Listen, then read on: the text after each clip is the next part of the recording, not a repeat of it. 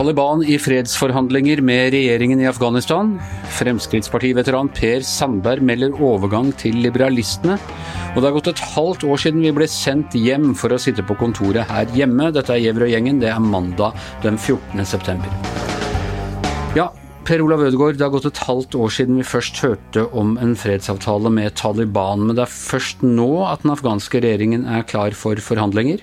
Ja, Det som skjedde i februar, var jo at eh, USA etter langvarige forhandlinger med Taliban ble enige om en slags avtale hvor altså USA skulle da gradvis eh, trekke tilbake de 12 000 amerikanske soldatene som da var i Afghanistan. Det skulle skje i løpet av 14 måneder.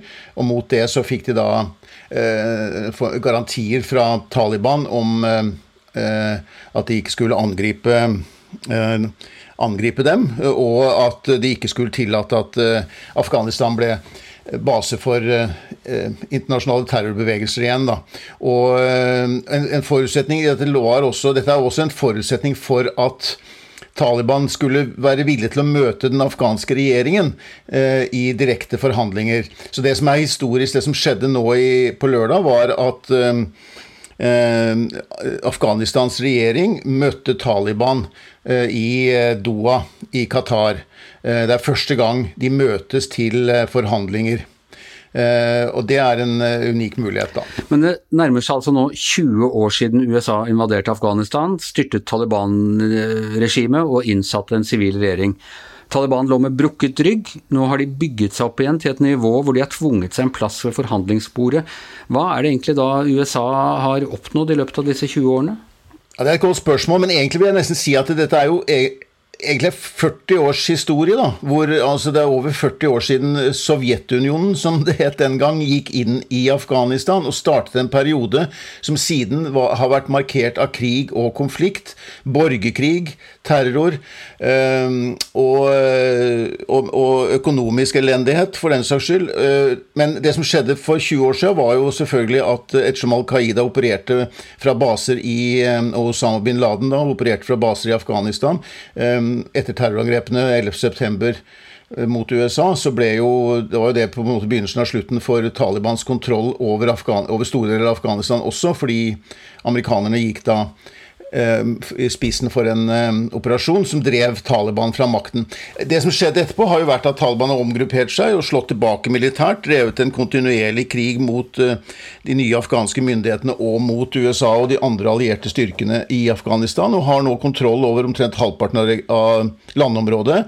Ehm, men, så, så, og sikkerhetssituasjonen er ikke blitt bedre. Det var jo liksom to hensikter her med det internasjonale engasjementet. Det var jo å gjøre få kontroll på sikkerhetssituasjonen i landet, men også bidra til utvikling, sosial utvikling. Ehm, eh, og jeg vil jo si at på det andre området, når det gjelder helse, Um, utdanning, kvinners rettigheter. Um, så har det jo skjedd mye i de, i de regjeringskontrollerte områdene, da, uh, som er um, Uh, og Det er noe av det som man nå må forhandle om i uh, Qatar. Hva, hva, skjer videre? Hva, hvordan blir det nye Afghanistan hvis disse to blir enige om en maktfordeling? Taliban er et regime som ble kjent verden over for å steine voldtatte kvinner, og nå forhandler de altså om en felles plattform med den sivile regjeringen. Er det mulig å tro at det går an å finne en politisk løsning med et slikt barbari? Ja, Det er jo det som er det store spørsmålet her. ikke sant? Hva slags Fordi den nye afghanske grunnloven den gir jo kvinner rettigheter de aldri tidligere har hatt. Jenter går på skole,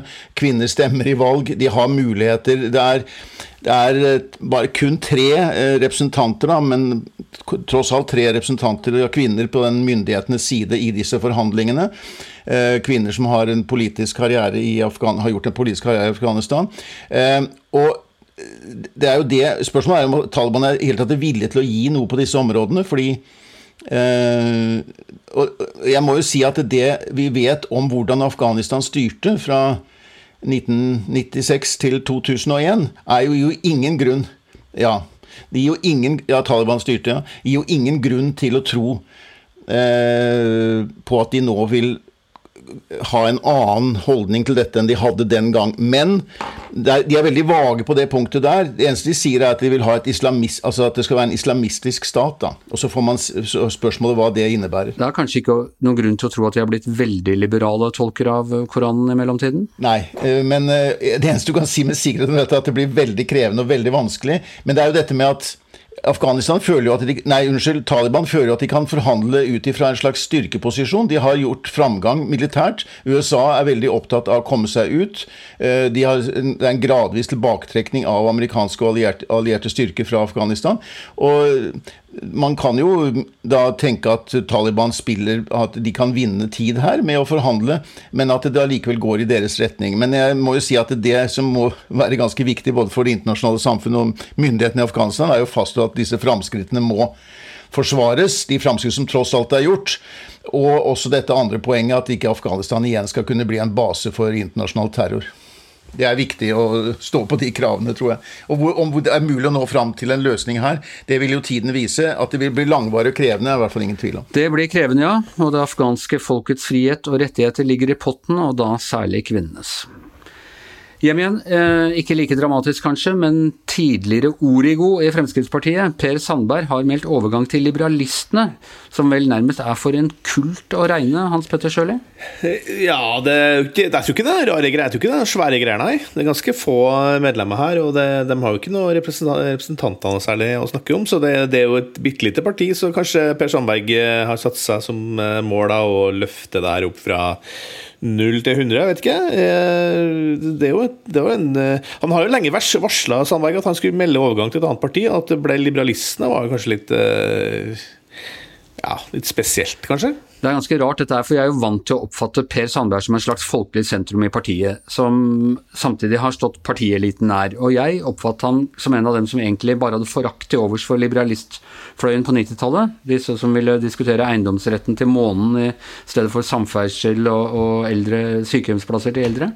Det har jo skjedd et eller med Per Sandberg vet du, etter at han eh, ble sammen med hun Bahare Letnes og eh, dro ned til Iran. og Han har jo måte vært en slags oppvåkning, Han har blitt en veldig sterk kritiker av den nasjonalkonservative fløya i Frp, som han sjøl egentlig kanskje var litt assosiert med. da, eh, Som, som da er under ledelse måte, av Christian Tybring-Gjedde og delvis også Carl I. Hagen. Så, så, Det har jo Per Sandberg vært veldig en sånn utrop, ut, klar kritiker av. da, og, og nå går den altså til et parti som, som eh, Jeg har lest litt på programmet til liberalistene altså det, det, det, er et parti som mener seg på prinsipielt grunnlag at ethvert menneske med fredelige intensjoner bør kunne krysse landegrenser for å bosette seg der han eller hun ønsker. Og lenger unna eh, FrPs program er det ikke nesten ikke mulig å komme? Jo fri bevegelse av mennesker over grensene, men da skal du ikke få noe bostøtte eller morsmålstrening eller ledighetstrygd fra staten, ifølge liberalistene? Nei, ja, selvfølgelig. Og det er jo en annen ting med det her. Sånn Per Sandberg, så vidt jeg fikk med meg, hadde jo litt uh, inntekter fra Nav i uh, overgangsfasen her, før han ble bareier nede i Halden. Og nå går han altså inn i et parti som uh, mer eller mindre vil, vil legge ned Nav, sånn som vi kjenner det. Så det, det er jo han holdt altså tale på liberalistenes landsmøte i helgen, og der tilførte han i hvert fall forsamlingen litt nye toner, for jeg pleier å tenke på liberalistene som noen sånn litt forfinede teoretikere med nesa dypt i Atlas Shrugged av Ayn Rand, men her fikk de servert en skikkelig folkelig torgtale. Det, per Sandberg har alltid vært en ganske Jeg har alltid likt Per Sandberg litt. Jeg. Han er en sånn uh, ordentlig uh, Trønder? Ja, så, men han er fra Skogn. En sånn, er ordentlig sånn uh, arbeiderklassemiljø med ganske røff oppvekst. Og har liksom alltid snakka fra levra. Har vært veldig ujålete og vært Ja, hatt, hatt, fingeren på pulsen i samfunnet. Så, så det var derfor jeg vært litt overraska at han gikk til, til liberalistene. For som du sier, Anders, så er jo liberalistene sånn som ikke at jeg kjenner partiet så veldig godt, da, men det, det, det fremstår litt som sånn, eh, sånn, eh, tenketank for eh, et eller annet filosofisk miljø på, i, i, Bærum eller den slags. Så at Per Sandberg, om han skal gli helt sømløst inn i den gjengen der, det, det stiller jeg meg kanskje litt sånn tvilende til utgangspunktet, da, men det kan bli spennende å, å følge med på. Ja, det har virkelig vært Per Sandbergs uke. Du har rettsfri i dag, Astrid Mæland, men før helgen så dukket sannelig Per Sandbergs navn opp i Anita Bertheussen-saken også. Ja, han er i vinden, Per Sandberg, om dagen. Laila Anita Bertheussen starter jo nesten hele rettssaken med å beklage til Per Sandberg i sin frie forklaring, fordi det har blitt visstnok sagt så mye stygt om han i denne koneklubben, eller hva vi skal kalle det for, som hun var medlem i på Facebook, altså sammen med en rekke andre Frp-damer eller Eh, en journalist i HRS og andre som har noe med Frp å gjøre, der de satt og diskuterte Som altså står for Human Rights Service? Ja, der de satt og diskuterte forskjellige temaer. Særlig så uh, var de sur på Blackbox, da, men hele den gruppa ble visstnok i sin tid oppretta pga. Um, sinne over Per Sandberg, som da hadde forlatt kona si um, uh, til fordel for Bahare Letnes. altså eh, elskerinna som hun ble omtalt som i den gruppa. Og så eh, samtidig, altså såra både nasjonalkonservative fløyen i Frp, særlig med Christian Tybring-Gjedde som den mest kjente eksponenten. Kona hans jo med, var jo med i den gruppa, Ingvild Sminnes Tybring-Gjedde. Og så var jo ekskona, da, den forsmådde eksen til Per Sandberg, og en sentral del av den gruppa som Laila Anita Bertheussen kom inn i. Um, og det var vel antageligvis på høsten 2018, da.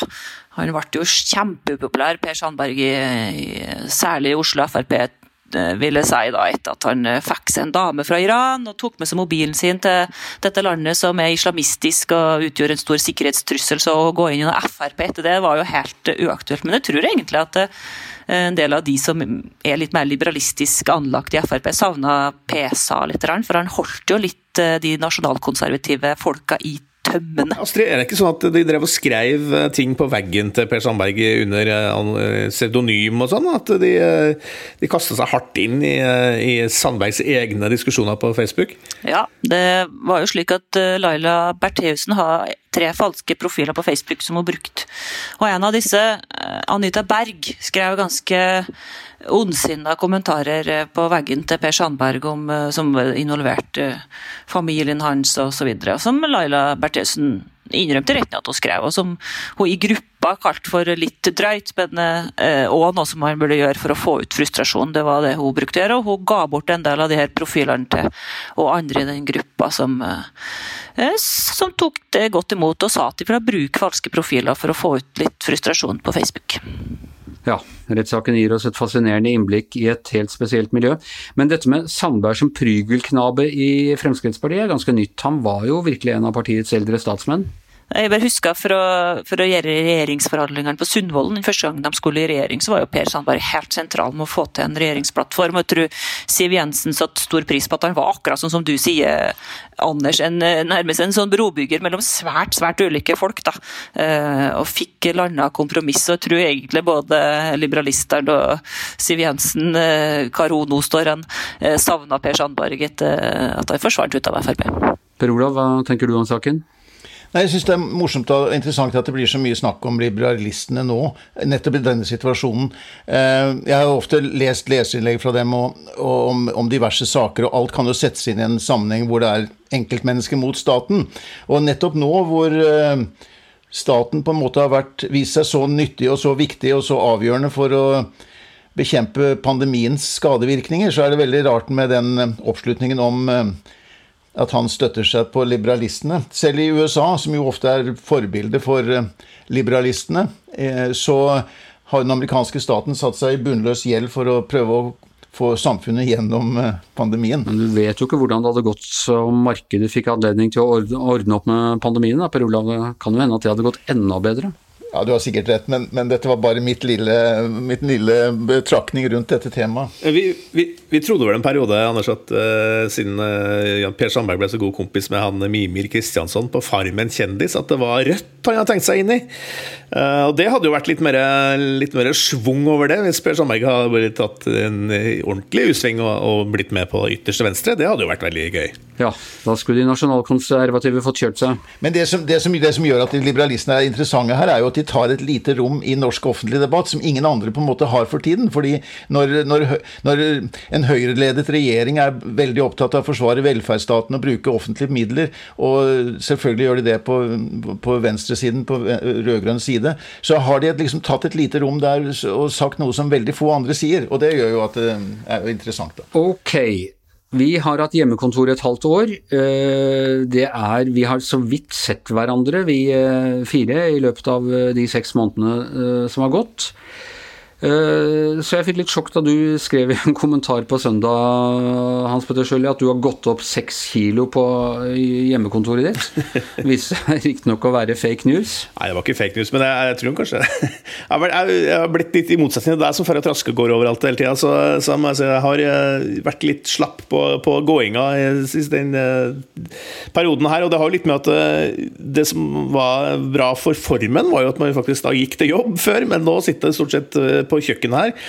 Verken kontor eller, eh, eller, studio, må jeg si. Det sitter på, på, bare på kjøkkenbenken, egentlig. Og, og det er klart, det, det, har vel kanskje bidratt til at uh, den fysiske formen ikke har, har, ikke vært stigende under koronakrisen. Det, det må jeg kanskje Da vi tok farvel i mars, så trodde jeg dette skulle vare noen uker, og i verste fall fram til sommeren. Nå begynner jeg å føle at arbeidsgiverne syns det er en ganske god idé å la oss jobbe hjemmefra, pandemi eller ikke. Det er jo mange bedrifter som sier at nå, eh, nå må, vi, må, vi, bare innse at hjemmekontor er en optimal løsning. Eh, og, og, altså, Telenor var jo tidlig ute og sa det, f.eks. Eh, i Norge. da, og Du ser også en debatt i USA at, eh, at folk nå bare, bare sitter på kontor, hjemmekontorene sine, og, og som følge av det så kan altså, så storbyer som New York og sånt, på en måte begynne å slite. da, For folk drar ikke inn lenger til byen lenger. Man, man blir i husene sine i utkanten.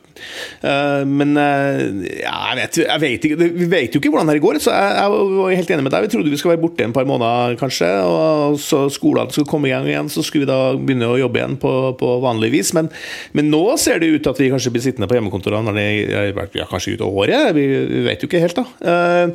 Uh, men uh, jeg syns jo er, det er jo litt sånn både og. Det er jo ganske fint òg, på et vis. Det, jo, det, er mye mindre stress i livet. Det er mindre oppjaga, mindre med sånne tidsfrister man skal rekke og alt mulig rart. Og, og sånt. Så, sånn sett er det jo bra, men på, på, på nedsida ved det er jo at man blir veldig ja, Jeg blir nesten litt sånn asosial av det. Jeg merker jeg skulle, bare skulle treffe dere på byen her en, en gang her for, for, litt siden, så var det jo Det er ikke sånn at man jeg gleder meg til å treffe dere, men samtidig sånn, ja, hvordan oppfører man seg sammen eh, lenger? Vi, altså, man blir veldig sær da, av å sitte på et hjemmekontor. Som om vi ikke var sære nok, men sånn er det blitt. I hver sin husarrest. Per Olav Ødegaard, Hans Petter Sjøli, Astrid Mæland, jeg heter Anders Giæver. Og vår fangevokter som går runden hver dag for å tildele oss litt taletid her på podkasten, produsent Magne Antonsen. Vi høres igjen i morgen. Da starter Giæver og gjengen oppkjøringen til det amerikanske presidentvalget for alvor, så følg med.